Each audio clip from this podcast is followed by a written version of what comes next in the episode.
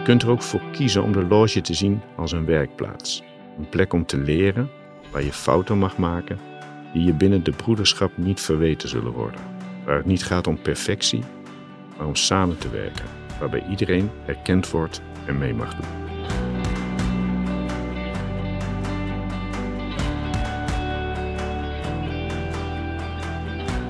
Welkom. Je luistert nu naar de 18e aflevering van de Vrijmetselaars Podcast. In deze podcast interview ik elke aflevering een vrijmetselaar of een persoon gelinkt aan de vrijmetselarij om samen met jou, de luisteraar, antwoorden te vinden op vragen over de vrijmetselarij. Op deze manier hoop ik een helder beeld te scheppen wat de vrijmetselarij nu werkelijk is en wat het niet is. In deze aflevering heb ik Alfred te gast. Alfred is onder andere de persoon achter de sociale kanalen van de vrijmetselarij informatie. En we gaan het hebben over de reden waarom Alfred begonnen is met die vrijmetselarij informatie. Uh, daarbij heeft Alfred een heel, nou ik vind het echt best wel leuk en verhelderend bouwstuk geschreven waar hij een uh, gedeelte uit gaat uh, voordragen. welkom Alfred. Dankjewel. Leuk dat je er bent. Ja, dat vind ik ook. Je had me je, je bouwstukje gestuurd met het idee van, goh, kan, is dit leuk om voor te dragen? Ik mm -hmm. werd er heel erg enthousiast van. Je hebt er een paar mooie typeringen in, maar hè, dat is aan het eind. Laten we beginnen bij het begin. Uh, ja, je bent dus vrijmetselaar. Dat klopt. Hoe, hoe ben jij ooit met de vrijmetselarij in aanraking gekomen? Um, dat is ooit begonnen door, um, doordat ik met mijn vrouw en mijn zoon, nu mijn oudste zoon, maar toen mijn zoon, um, die was anderhalf ongeveer gingen we uh, een stukje wandelen. Want dat doe je met kinderen van die leeftijd. En dat was in september. Ik woon in Utrecht aan de Malibaan. En uh, dat was op Monumentendag. En dan zijn er vaak veel van die mooie panden open. En een van de panden die open was, was het pand van de vrijmetselarij aan de Malibaan, nummer 70a in Utrecht. Daar liepen we ook even naar binnen. En ergens tussen de verdiepingen op de trap sprak iemand mij aan en die zei: Misschien is dit ook wel iets voor jou. Toen dacht ik, ja, dat zou kunnen, maar ik heb geen idee wat het is eigenlijk. Ik ben hier gewoon even dit pand aan het bekijken. Ja, maar je wist wel dat het het pand van de vrijmetselarij was. Of dacht je, want kijk, in Utrecht heb je superveel mooie oude panden. Dacht je, oh, dit is ook wel mooi, hier gaan we kijken? Of... Dat weet ik niet meer. Ik ben okay. dus niet bewust naar het pand van de vrijmetselarij nee, gaan nee. kijken. Maar misschien op het moment dat ik er binnen stapte, dat ik wel zag dat er een passer en een winkelhaak op de gevel zaten. Maar dat weet ik niet meer zeker. Okay. En als ik dat gezien heb, dan zou ik ook niet meer zeker weten of ik dan toen geweten had wat het was. Ja, ja.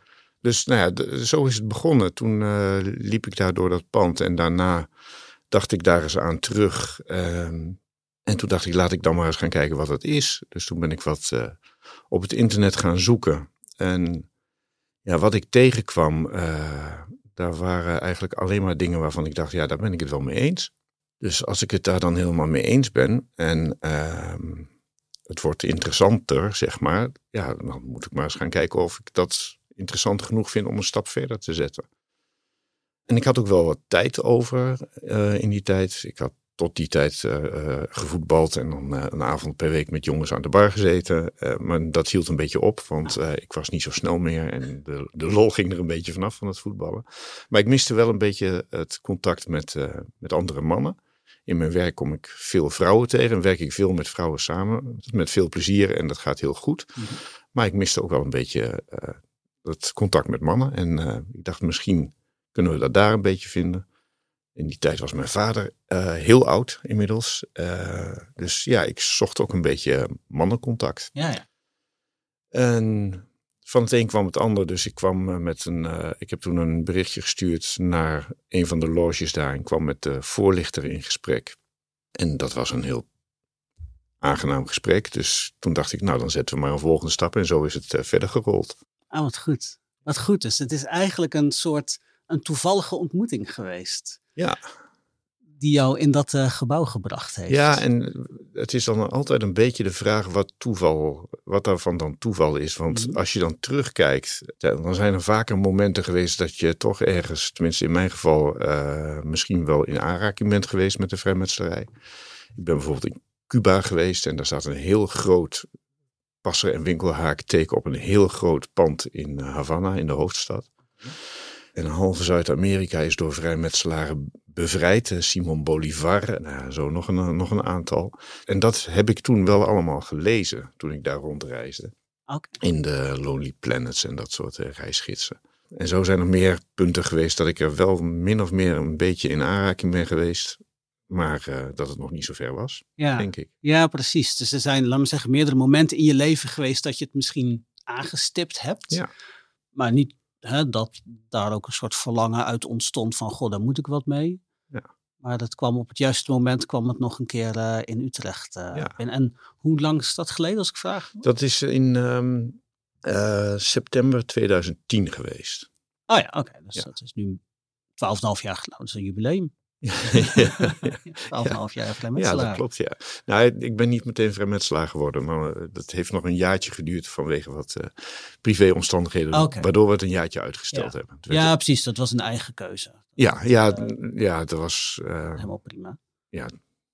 het werd te druk thuis, dus dat kon even niet. Maar Ja. een jaar later kon het weer wel. Ja, precies. Je moet wel ruimte en tijd hebben Ja. voor, voor alles. Want dat, ja, dat merk ik ook wel met een gezin thuis. En we hebben ook elke maandag dan bijeenkomsten. Dat is soms ook wel eens, ja, die kan je niet altijd allemaal bijwonen. Maar goed, Mhm. dat hoeft ook, eh, hoeft Nee. ook niet, denk ik. Nee. Dat is, eh, is geen verplichting. En zoals ik al zei, je bent een, een tijdje geleden ben je met eh, de sociale kanalen vrijmetselarij informatie begonnen. Ja. Op welke kanaal, tenminste, ik denk dat de meeste mensen die interesse hebben in de vrijmetselarij, dat die dat kanaal wel kennen. Want je, je bent best, zeg ik je of jullie, doe je het alleen? Of, eh, Dat doe ik alleen. ja, ja. Dus ja, je bent best wel actief daarin. Eh, is er een, een reden geweest dat je dacht, nou, nu moeten we hier eens eh, mee aan de slag? Ja, ik ben ooit voorlichter van mijn loge geweest. En ehm, als we dan een, een open activiteit hadden, dan kondigden we dat aan. Ik werk op een opleiding waar ook veel met social media gebeurt. We leiden daar mensen in op. Dus ik weet daar wel het een en ander van. En ehm, als je dan rondkijkt, dan kom je eigenlijk best veel eh, content, zoals het heet. Hè? Inhoud van websites, van eh, video's, eh, artikelen, radio-opnames tegen. Die over vrijmetselarij gaan en die daar ehm, een inhoudelijk goed verhaal over vertellen. Je- ziet, je komt ook een heleboel mensen tegen die rare onzinverhalen ophangen. Maar er is eigenlijk eh, niet alleen in Nederland, maar wereldwijd heel veel goede informatie beschikbaar. Mhm. En die heb ik een beetje verzameld in de loop eh, van de jaren. En toen dacht ik, ja, dat is toch zonde eigenlijk als daar niks mee gebeurt.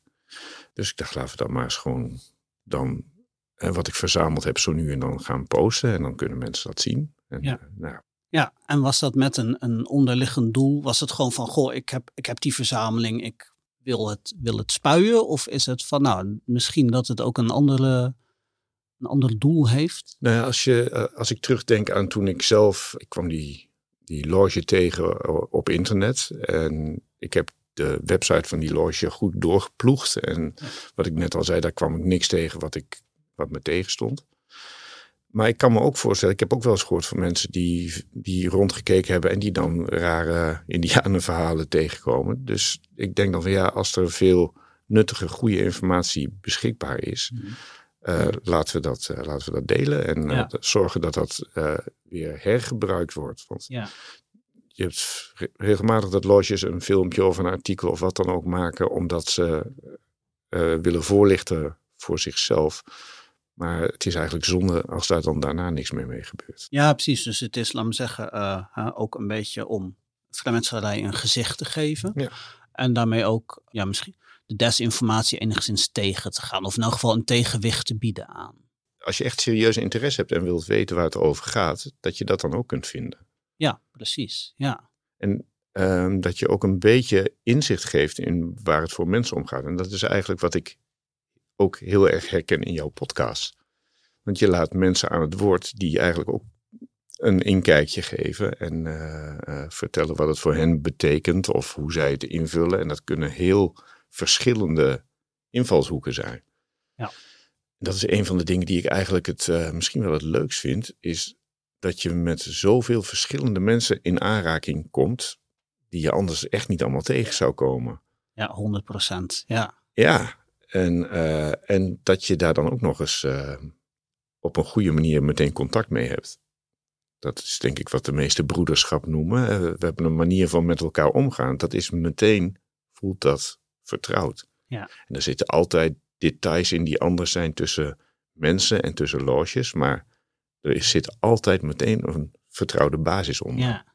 ja, en die verschillen, dat is niet iets, tenminste zo voel ik het niet, dat dat iets is wat, dat die verschillen je uiteendrijven, maar dat is meer een soort nieuwsgierigheid van, oh doen jullie dat zo? Oh, wij doen het zo, oh wat leuk. Tenminste, Ja. ik, ik vind het alleen maar interessant. Ik hoop, ik denk dat heel veel bedoelers dat hebben, van als je bij een andere loge komt en je gaat daar kijken of eh, in eh, vaktermen visiteren, Ja. dat, dat je die verschillen allemaal ziet. En dat is, ik vind juist die verschillen een verrijking eigenlijk. Terwijl je zou kunnen zeggen dat verschillen, alles wat anders is dan jij, hè, als je even heel zwart-wit eh, denkt, dat zou ook eng kunnen zijn. Maar Ja, je kunt ook zeggen dat het je, eh, als je al die verschillen ziet, dat het je beeld completer maakt. Ja. Dus nou, dat eigenlijk. ja, helemaal mee eens. Wat leuk. Ja, dat is echt. eh, nou, dat is ook een beetje, denk ik, wel de reden waarom ik met die podcast begonnen ben. Niet zozeer om eh, die desinformatie tegen te gaan.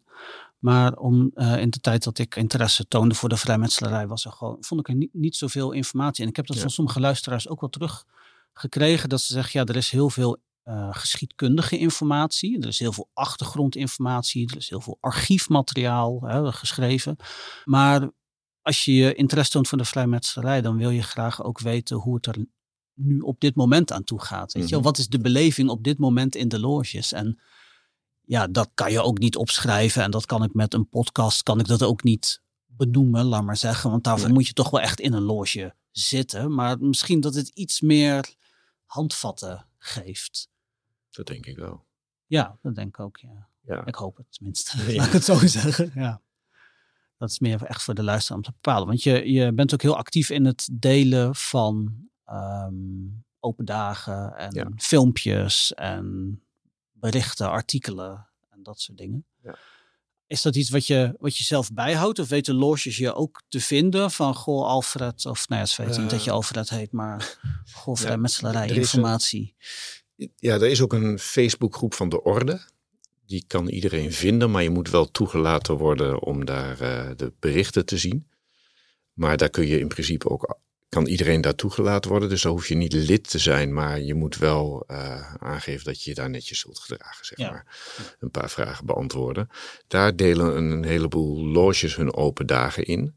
Maar er zijn ook loges die, die inderdaad een berichtje naar, naar mij sturen of naar die account sturen. En eh, ja, dan is het vrij. Het is niet zo heel ingewikkeld om een lijstje bij te houden en daar zo nu en dan een berichtje van te maken. Nee.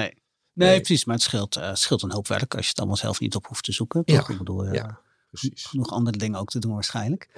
Krijg je wel eens, eh, krijg je wel eens berichten vanuit eh, lezers of... eh, Niet zoveel. Nee, het is wel één of twee of drie keer gebeurd. Eh, en ook wel eens rare berichten, want dat blijft natuurlijk altijd bij de vrijmetselarij.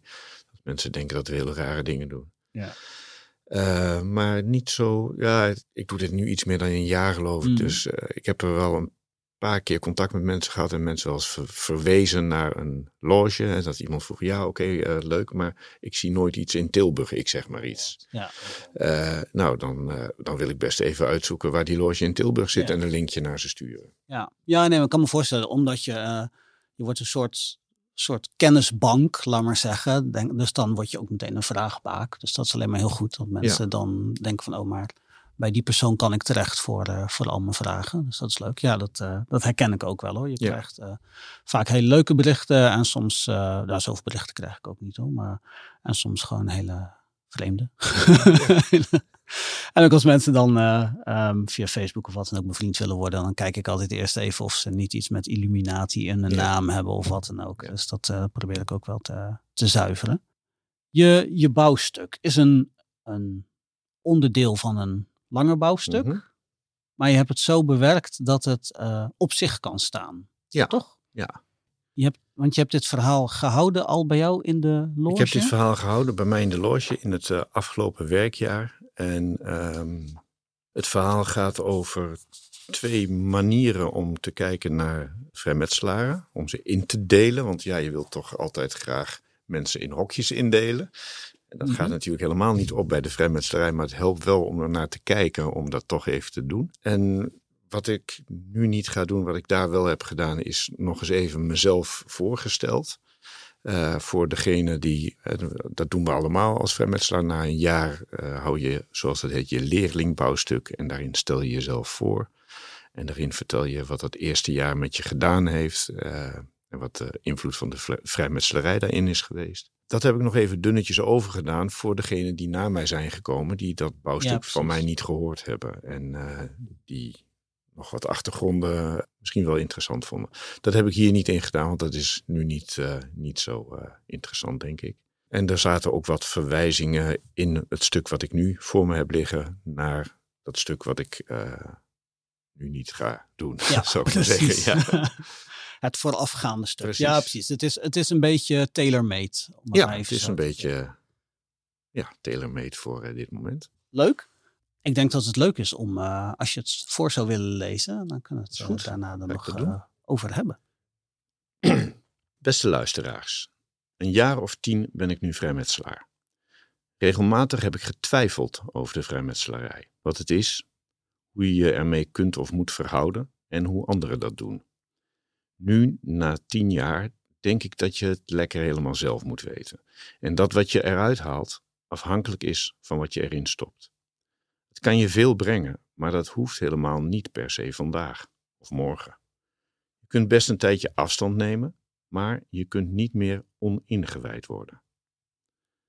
Als je er bewust mee bezig bent, het toepast in je dagelijks leven buiten de loge, in je werk of privé, of als je naar jezelf kijkt tijdens een rol in een ritueel, maar ook als schijnbaar toeschouwer, of als je in het bestuur van de loge zit, het kan je veel brengen. Als je het als sociëteit invult, voor mij is het veel gemakkelijker geworden om uh, op recepties te bewegen en een praatje aan te knopen. Dat is ook waardevol hoor. Daarnaast heeft mijn lidmaatschap mij gebracht dat ik nog beter dan dat ik al kon, kan loslaten. Het lijkt er namelijk op dat de wereld best door kan draaien zonder mijn meninkjes. Door los te kunnen laten, mijn ego minder belangrijk te maken, komt er ruimte omdat ik geen overtuigingen of status hoef na te jagen, valt veel ergernis weg en is er ruimte om te accepteren dat het goed is zoals het is. Je kan vinden dat de rituelen zo perfect mogelijk uitgevoerd moeten worden. En ook weten waarom je dat vindt, gebaseerd op wat wetenschappelijk gezien historisch correct is. Of op basis van wat je uit andere bronnen denkt te mogen aannemen. Je kunt er ook voor kiezen om de loge te zien als een werkplaats. Een plek om te leren, waar je fouten mag maken, die je binnen de broederschap niet verweten zullen worden. Waar het niet gaat om perfectie, maar om samen te werken, waarbij iedereen erkend wordt en mee mag doen. In een bijzondere periode was ik voorzitter van onze loge. Via het scherm, maar ook op diverse fysieke locaties mocht ik bijeenkomsten voorzitten en op verschillende plekken in het veld en in meerdere werkplaatsen heb ik open loges geleid. Maar wat me toch wel het meest zal bijblijven uit die periode zijn persoonlijke ervaringen met broeders in wiens levensverhaal je dan als voorzitter een rol speelt. Die bijzondere periode, dat was de coronaperiode, waarin we lang niet altijd uh, op de normale manier samen konden komen. Ja, precies. En die levensverhalen die zijn zo divers als er vrijmetselaren zijn. Een van de basisprincipes van de vrijmetselarij is het erkennen en waarderen van al die verschillende broeders. En daarom, beste luisteraars, gaan we over naar het echte onderwerp van vandaag. We gaan het over types vrijmetselaar hebben. Belangrijk is dat u deze typeringen niet absoluut moet zien. Het gaat er niet om of iets helemaal waar is, of een typering wel helemaal klopt, maar het gaat erom iets te herkennen van uzelf of mensen om u heen. Om te zien en te begrijpen dat anderen anders denken en waar overeenkomsten en verschillen vandaan kunnen komen. Om u en ons inzicht te geven over wie u bent en over wie wij zijn. Ken uzelf, maar vooral ook ken onszelf. Want door onszelf te kennen, leert u uiteindelijk uzelf ook weer beter kennen. En dat is wel handig, want u ziet de wereld niet zoals ze is, maar zoals u bent. Ik neem u mee naar twee beschrijvingen van groepen mensen. We beginnen met generaties. Die van mijn ouders tot die van de jongste broeders van onze loges. Indeling 1. Generaties. De vooroorlogse generatie die is geboren tussen 1910 en 1930. Er zijn er niet zo heel veel meer van in onze loges, maar ze zijn er nog wel. Het is de generatie van mijn ouders. Ze zijn wars van sociale onrust en chaos, plichtsgetrouw, bescheiden, sober, spaarzaam en berustend. Hun overheersende moraal is als je voor een dubbeltje geboren bent, word je nooit een kwartje. Daarna kwam de stille generatie, geboren tussen 1931 en 1940. Deze generatie weet wat het is te leven met onzekerheid, onderdrukking en schaarste. De eerste generatie van wie ook vrouwen gingen werken en die daarmee onafhankelijk werden, economisch gezien. Dan de protestgeneratie, geboren tussen 1941 en 1955. Ook wel de babyboom-generatie genoemd. Zij kregen les in grote klassen en ze kwamen tot wasdom in een periode van grote welvaartsstijging en kenden geen armoede of massale werkloosheid. De jongeren van toen stonden veel kritischer in het leven dan hun ouders. Dan komt de verloren generatie, tussen 1956 en 1970 geboren. Ook wel de generatie niks genoemd, omdat ze weinig kansen op de arbeidsmarkt hadden. Dat was toen, maar nu bezit deze generatie juist topposities en is ze erg invloedrijk. Daarna tussen 71 en 85 geboren de pragmatische generatie. Dat waren allemaal gewenste kinderen, omdat er voorbehoedsmiddelen waren. En ze zijn opgegroeid met uitstekende voorzieningen. Zijn sterk merk- en mediabewust, geneigd tot het uitstellen van fundamentele keuzes, zoals het krijgen van kinderen. En voor deze groep is jobhoppen normaal. De grenzeloze generatie werd geboren tussen 86 en 2000 en werd ook wel de achterbankgeneratie genoemd. Gefocust op uiterlijkheden, kiks, geld, status, consumptie en netwerken. En niet zozeer op het eigen welzijn en dat van de maatschappij. De kredietcrisis en de economische crisis zullen hun stempel drukken op deze generatie. Ze vinden het belangrijk om authentiek te zijn. Ze willen flexibel werken in sfeervolle omgevingen waar ze zichzelf kunnen zijn en waar ze zich authentiek kunnen ontwikkelen. Ze willen meteen meedoen en toegevoegde waarde leveren, bijvoorbeeld met de inzet van sociale media. En dan de generatie die nog niet of nauwelijks in onze loges is, maar die er wel aankomt. Dat is generatie Z, de digital natives, geboren tussen 2000 en 2015 zijn opgegroeid in het digitale tijdperk, maar ook in tijden van onzekerheid en dreiging.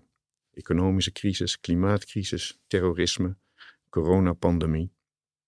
Zij weten maar al te goed dat de mogelijkheden niet onbegrensd zijn. En dat zij het materieel niet beter gaan krijgen dan hun ouders.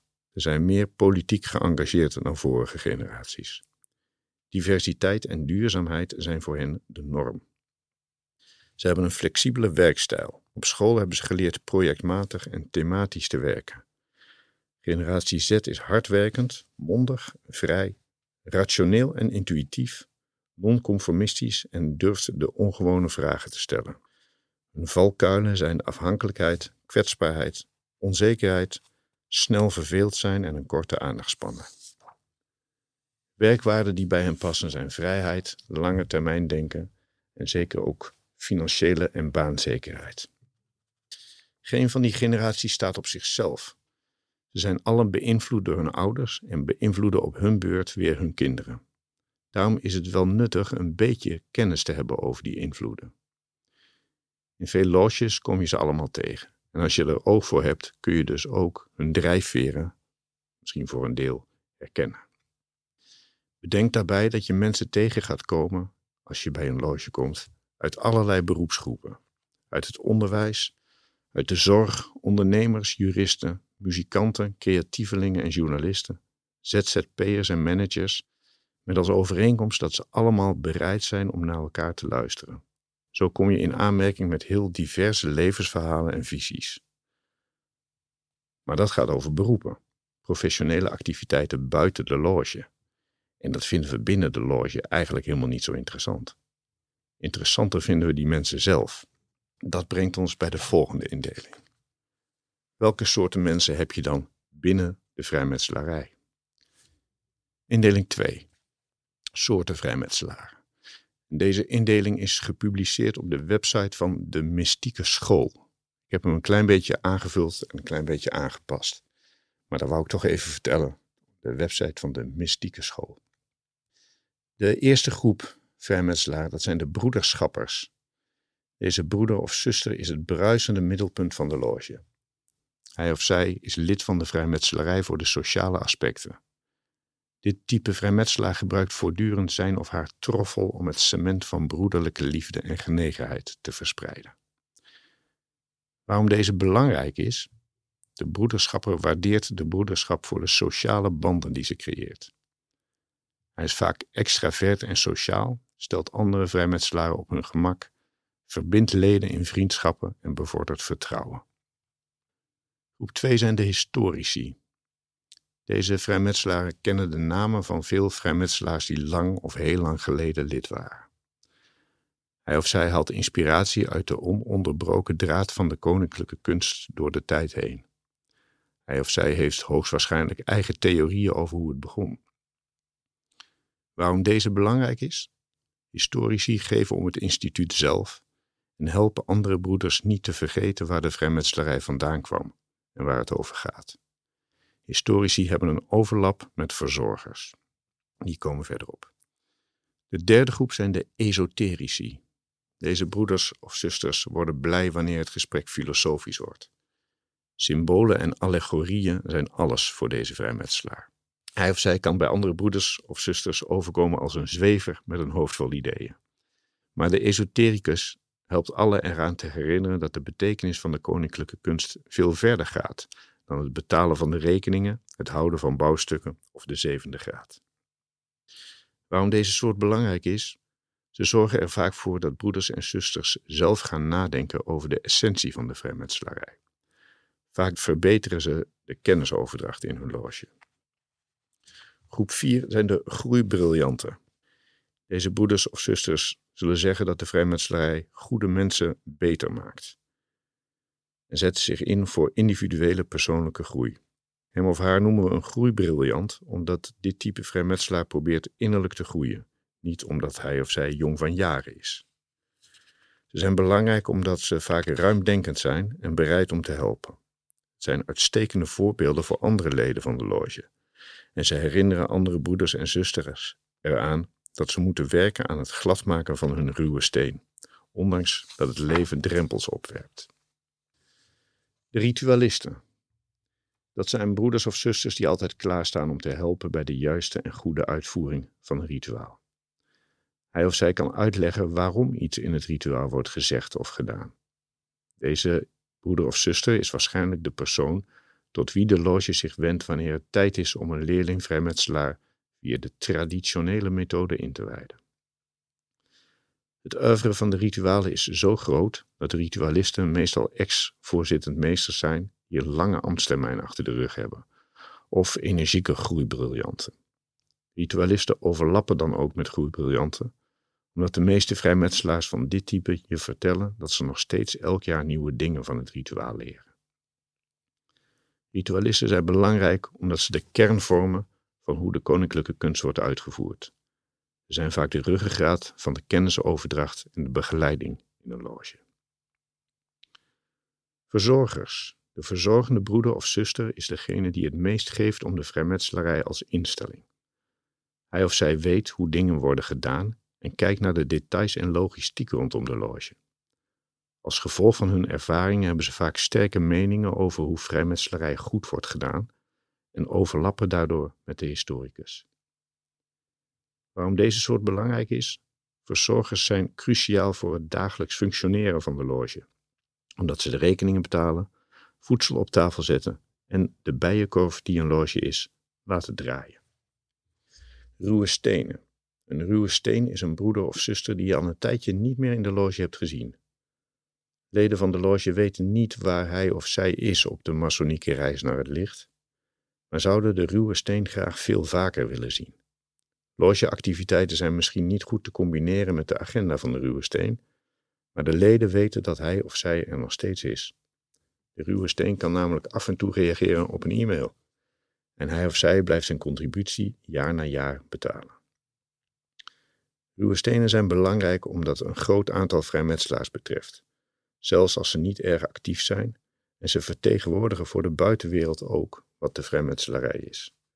Ze helpen natuurlijk ook met het betalen van de rekeningen van de loge. Dit betekent dat ruwe stenen vaak overlappen met verzorgers, omdat ze een vorm van verzorger zijn, of ze het nu weten of niet. De westerling. Een westerling is een broeder of zuster die de loge vooral gebruikt als inspiratie om in het westen te werken, om daar zijn beter mens zijn in de praktijk te brengen. Westerlingen willen niet alleen in de loge, maar ook, of vooral, in het westen iets betekenen. Ze overlappen regelmatig met de ruwe stenen, omdat die ook veel in het westen vertoeven. Waarom deze soort belangrijk is? Ze zorgen dat we geen vrijmetselaars oogkleppen opkrijgen, dat we geen beroepsvrijmetselaren worden. Zij zijn degene die zorgen dat toekomstige generaties vrijmetselaren met trots terugkijken op wat de broederschap vroeger in de maatschappij betekende. Al die verschillende broeders uit al die verschillende generaties gaan, als het goed is, want niets menselijks is ons vreemd, in goede verhouding met elkaar om. Ze beleven rituelen die ze samen vormgeven met muziek, symbolische handelingen, waarna ze samen eten, ze stoppen energie in bouwstukken en verhalen die ze elkaar vertellen en waarmee ze elkaar proberen verder te helpen. Wauw, heel mooi. Heel mooi.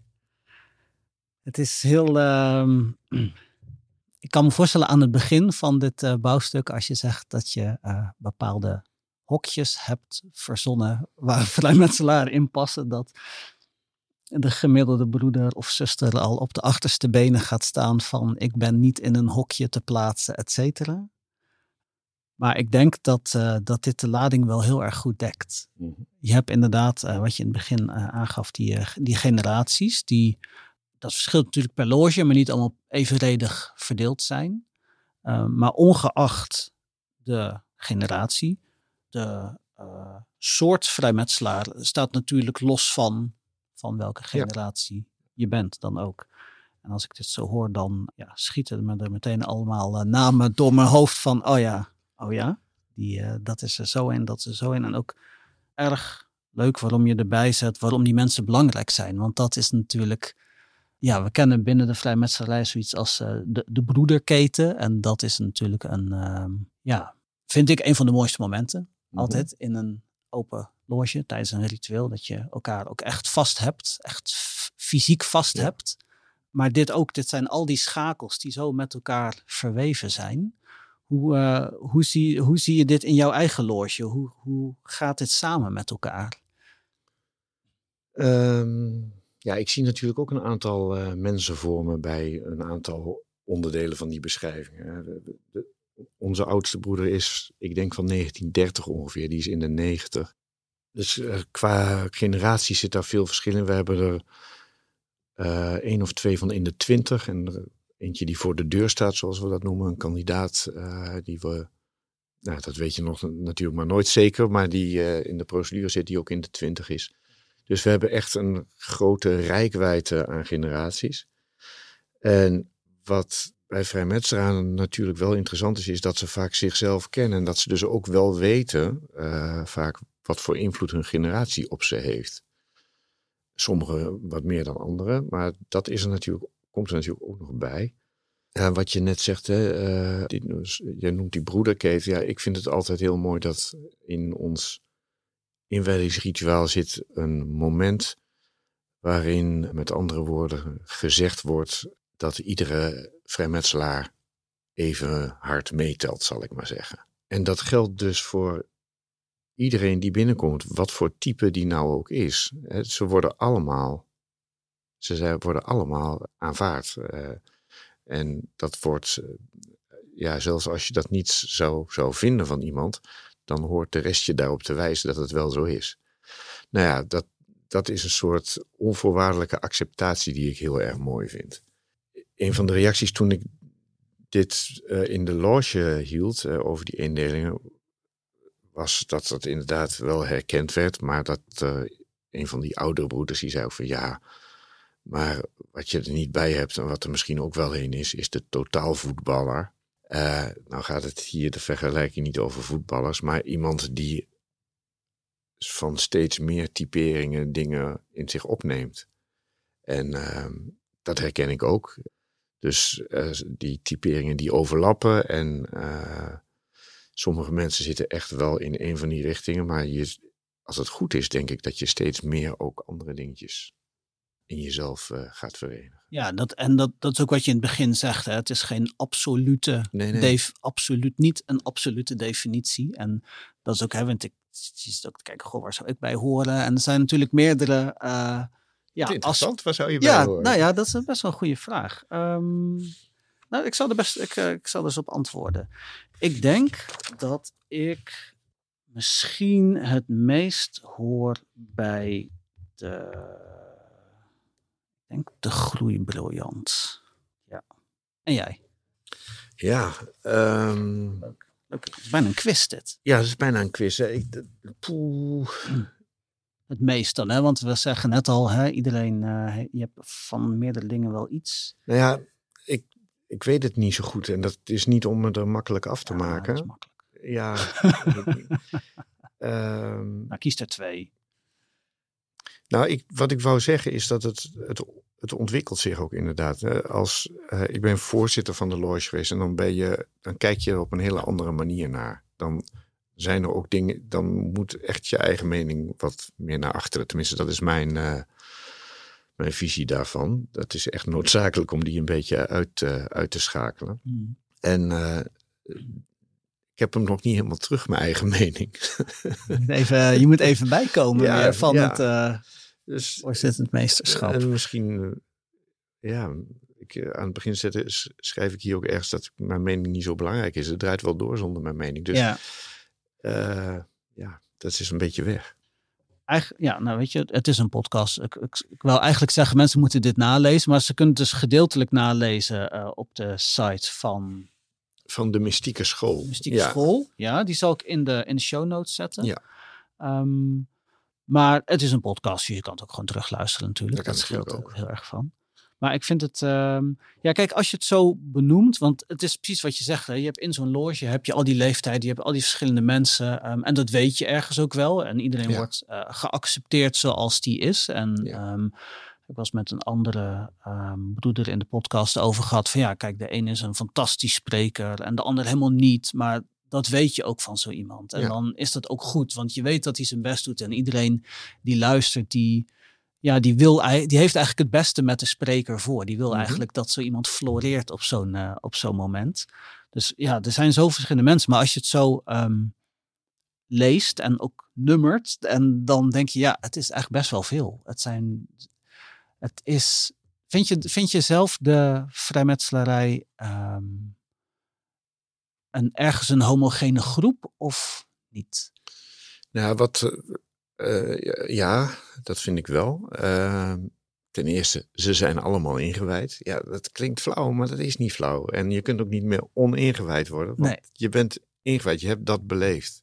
Dus dat is iets wat het een homogene groep maakt. Ze hebben allemaal die ervaring. En die loges zijn verschillend. En misschien voert de ene loge de inwijding ook nog wel eh, met andere details uit dan de andere. Maar de ervaring is toch eigenlijk hetzelfde.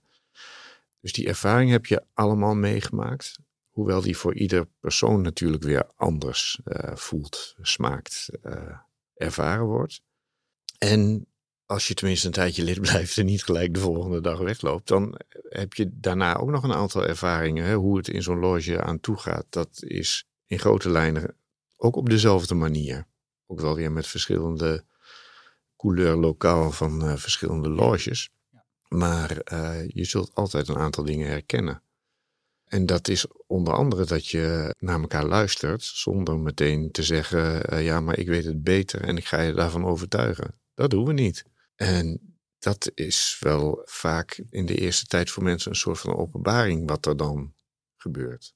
Ik weet nog een van mijn eerste avonden waarop iemand zo'n bouwstuk hield. Hè, die eh, vertelde een verhaal en die, die had een centrale vraag in dat verhaal. En ik dacht, ja, dat is heel makkelijk. Het antwoord is dat en dat.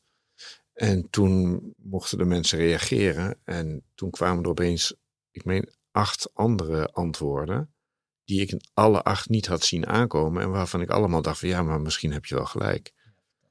Nou ja, dat herken jij ook meteen. Dus dat is ook een soort gedeelde ervaring. En als je dat meemaakt, dan wordt je, je hoe zeg je dat, je blik weer uh, ruimer. En uh, je eigen mening minder belangrijk. En dan ga je misschien al die verschillende mensen van die verschillende generaties en die verschillende types ook meer waarderen. Dus dat doet wel iets met je. Ja, ja. Kan je dat, want, nou, je bent nu, wat zijn nou, tien jaar vrijmetselaar? Ja, zoiets. Of iets meer was het, twaalf en half hadden we besloten. Ja. Kan je zeggen van um, op wat voor manier je veranderd bent in die twaalf en een half jaar? Of is dat heel moeilijk? Wat je natuurlijk niet weet, is hoe je veranderd zou zijn als je geen vrijmetselaar was geworden. Ja. En dan uh, had ik vast ook uh, wel een aantal leuke stappen gezet. Maar uh, meer contact met meer verschillende soorten mensen, met meer verschillende achtergronden. En daardoor een, een completer beeld, denk ik. Het is voor mij makkelijker geworden om, om te spreken, in het, in het openbaar ook. Mm -hmm. nou, ik vond dat altijd heel erg spannend. Maar ik heb later wel eens zalen met 200 mensen toegesproken zonder, zonder enige zenuwen meer. Ja. Dat is weg. Ja. Ik ben voorzitter van zo'n loge geworden en dat is iets waar je zeker in het begin wel naar uh, opkijkt. Dat je wel, tenminste, dat vond ik, ik vond het wel veelzijdig en indrukwekkend en ook wel een beetje spannend wat zo iemand dan moet doen. Behalve die avondenvoorzitter zitten daar nog een aantal meer dingen en verantwoordelijkheden bij. En dat heb ik ook gedaan. En nou, daar ben ik eigenlijk stiekem ook wel een beetje trots op dat dat goed gegaan is. Zoals we dat dan zeggen, harmonie in de loge is gebleven. Ja.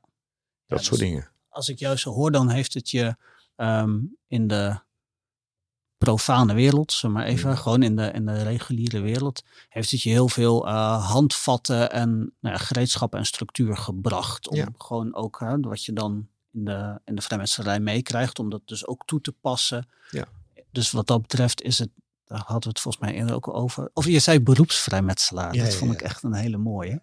Dus dan, want dan zit je in je, in je kokon, laat maar zeggen, in je vrijmetselaar kokon. Mhm. Maar er is natuurlijk ook een wereld buiten. En dat, het, ehm, dat het je ook helpt om die wereld daarbuiten eh beter aan. Zeker, volgens kunnen. mij is dat, ik heb even niet paraat of dat een tekst is die in een van onze rituelen zit. Maar eigenlijk is, eigenlijk is dat natuurlijk het doel. Dat je in de buitenwereld dingen een beetje anders en beter gaat doen. Ja, voor de anderen, maar het helpt jezelf dus ook. Ja. Is er nog iets wat, wat ik gemist heb? Of wat je zelf misschien nog zou willen vertellen? Of eh, Ehm, een vraag die ik niet gesteld heb? ja, ongetwijfeld. En er zijn ook ongetwijfeld nog dingen die, we kunnen, die ik zou kunnen vertellen. Ik denk als we van een andere manier invliegen, dat we zo nog een avond door kunnen praten.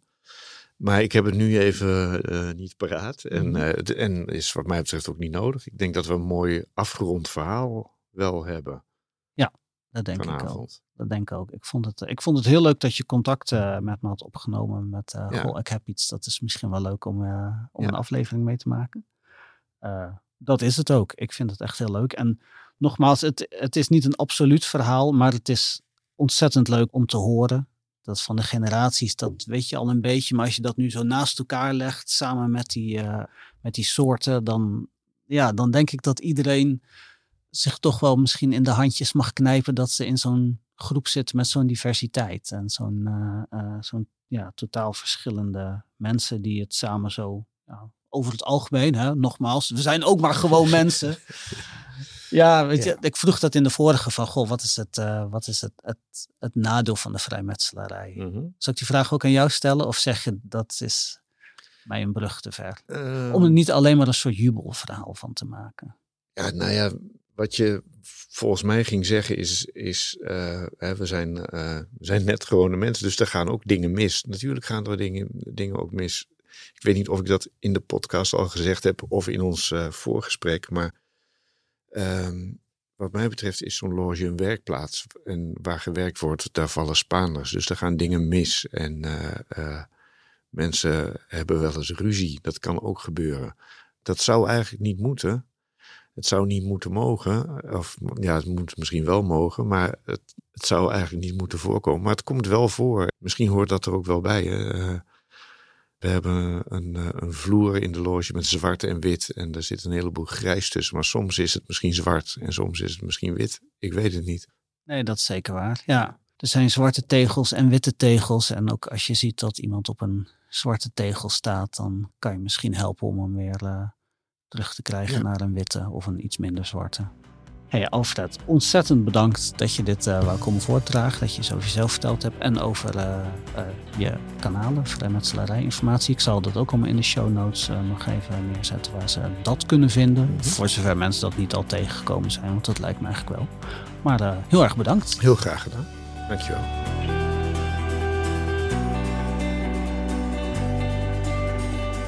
Bedankt voor het luisteren naar deze aflevering van de Vrijmetselaars podcast. Mocht je vragen of opmerkingen hebben of me gewoon een berichtje willen sturen, dan kan dat via Instagram.